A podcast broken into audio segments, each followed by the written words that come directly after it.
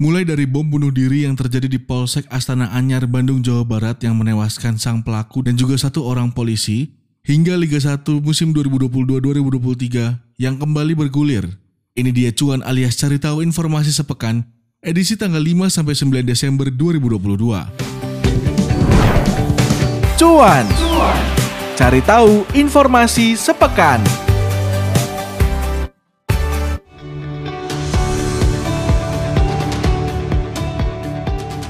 Berita pertama, terjadi bom bunuh diri di Polsek Astana Anyar, Bandung, Jawa Barat dan pelaku tewas di tempat usai meledakan bom. Kapolres Tabes Bandung Kombes Pol Aswin Sipayung memaparkan kronologi awal peristiwa dugaan bom bunuh diri di Polsek Astana Anyar, Bandung. Menurutnya, peristiwa bermula ketika anggota Polsek melakukan apel pagi pada pukul 8.20 pagi. Selanjutnya, Aswin mengatakan setelah pelaku mengacungkan senjata, kemudian menerobos barisan apel dan barulah terjadi ledakan bom tersebut dan membunuh sang pembawa bom. Sebelumnya Kepala Bagian Bantuan Operasi atau Kabak Ban Ops, kemudian Polri mengungkap bahwa pelaku bom bunuh diri di Polsek Astana Anyar Bandung membawa dua bom yang dibawa di dalam ransel yang milik pelaku. Karo Pemnas Humas Polri Brigjen Polisi Ahmad Ramadan mengatakan, dari dua bom tersebut yang meledak hanya satu karena satu bom lagi terpental saat ledakan pertama terjadi. Ledakan bom bunuh diri ini juga memakan sembilan orang korban. Satu dari sembilan orang tersebut meninggal dunia dan terdapat tiga korban luka berat dan empat lainnya luka ringan yang kesemua korbannya tersebut adalah anggota Polri. Kita lanjut berita kedua, ada DPR RI yang resmi mengesahkan rancangan undang-undang atau RUU tentang Kitab Undang-Undang Hukum Pidana atau KUHP atau yang lebih dikenal dengan RKUHP menjadi undang-undang di rapat paripurna ke-11 masa persidangan kedua tahun 2022-2023 pada Selasa 6 Desember. Ketua Komisi 3 DPR Bambang Wuryanto alias Bambang Pacul menjelaskan, RKUHP membawa misi dekolonialisasi, demokratisasi, harmonisasi, dan konsolidasi tentang hukum pidana. Bambang Pacul juga mengatakan KUHP yang dipakai selama ini merupakan warisan kolonial Belanda sehingga KUHP yang baru ini bi diharapkan bisa berperan sebagai sumber pertama hukum pidana di Indonesia selama 76 tahun.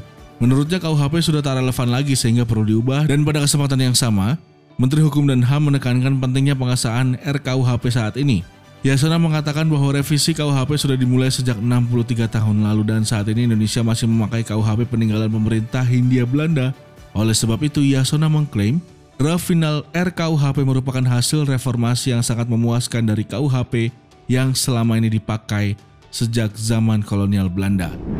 Kemudian berita ketiga atau berita terakhir, pemerintah melalui Menteri Koordinator Bidang Politik Hukum dan Keamanan atau Menko Polhukam Mahfud MD mengkonfirmasi bahwa izin pelaksanaan Liga 1 2022-2023 kembali bergulir. Pemerintah secara resmi mengizinkan Liga 1 untuk dilanjutkan kembali mulai dari tanggal 5 Desember 2022. Pengumuman itu disampaikan setelah digelar pertemuan Menko Polhukam dengan Menteri Pemuda dan Olahraga dan juga Kapolri di kantor Kemenko Polhukam Senin 5 Desember. Kompetisi Liga 1, Liga 2, dan Liga 3 sempat dihentikan karena tragedi Kanjuruhan pada 1 Oktober lalu yang menewaskan ratusan orang dan juga ratusan orang luka-luka. Meski memberikan izin untuk Liga 1 bergulir lagi, Mahfud MD mengingatkan PSSI untuk terus melakukan transformasi sepak bola Indonesia. Menurut Mahfud, rekomendasi dari tim gabungan independen pencari fakta sudah ditindaklanjuti. Sedangkan dalam hal keamanan, Polri sudah menerbitkan peraturan polisi tentang pengamanan pertandingan olahraga. Kemudian dari pihak Menpora Zainuddin Amali mengatakan bahwa kompetisi Liga 1 sangat dibutuhkan untuk timnas Indonesia. Di sisi lain, Kapolri juga mengatakan bahwa sejak awal pihaknya mendukung olahraga di Indonesia khususnya sepak bola. Lanjutan Liga 1 ini akan digelar dengan format bubble dan juga tanpa penonton. Oke sobat bisnis itu dia tiga berita edisi cuan tanggal 5 sampai 9 Desember 2022. Jangan lupa dengerin terus episode-episode terbaru dari podcastnya Bisnis Indonesia di Broadcast dan juga follow Instagram Broadcast di broad.cast dan jangan lupa juga tonton versi videonya di YouTube channel Bisniscom. Jangan lupa buat subscribe.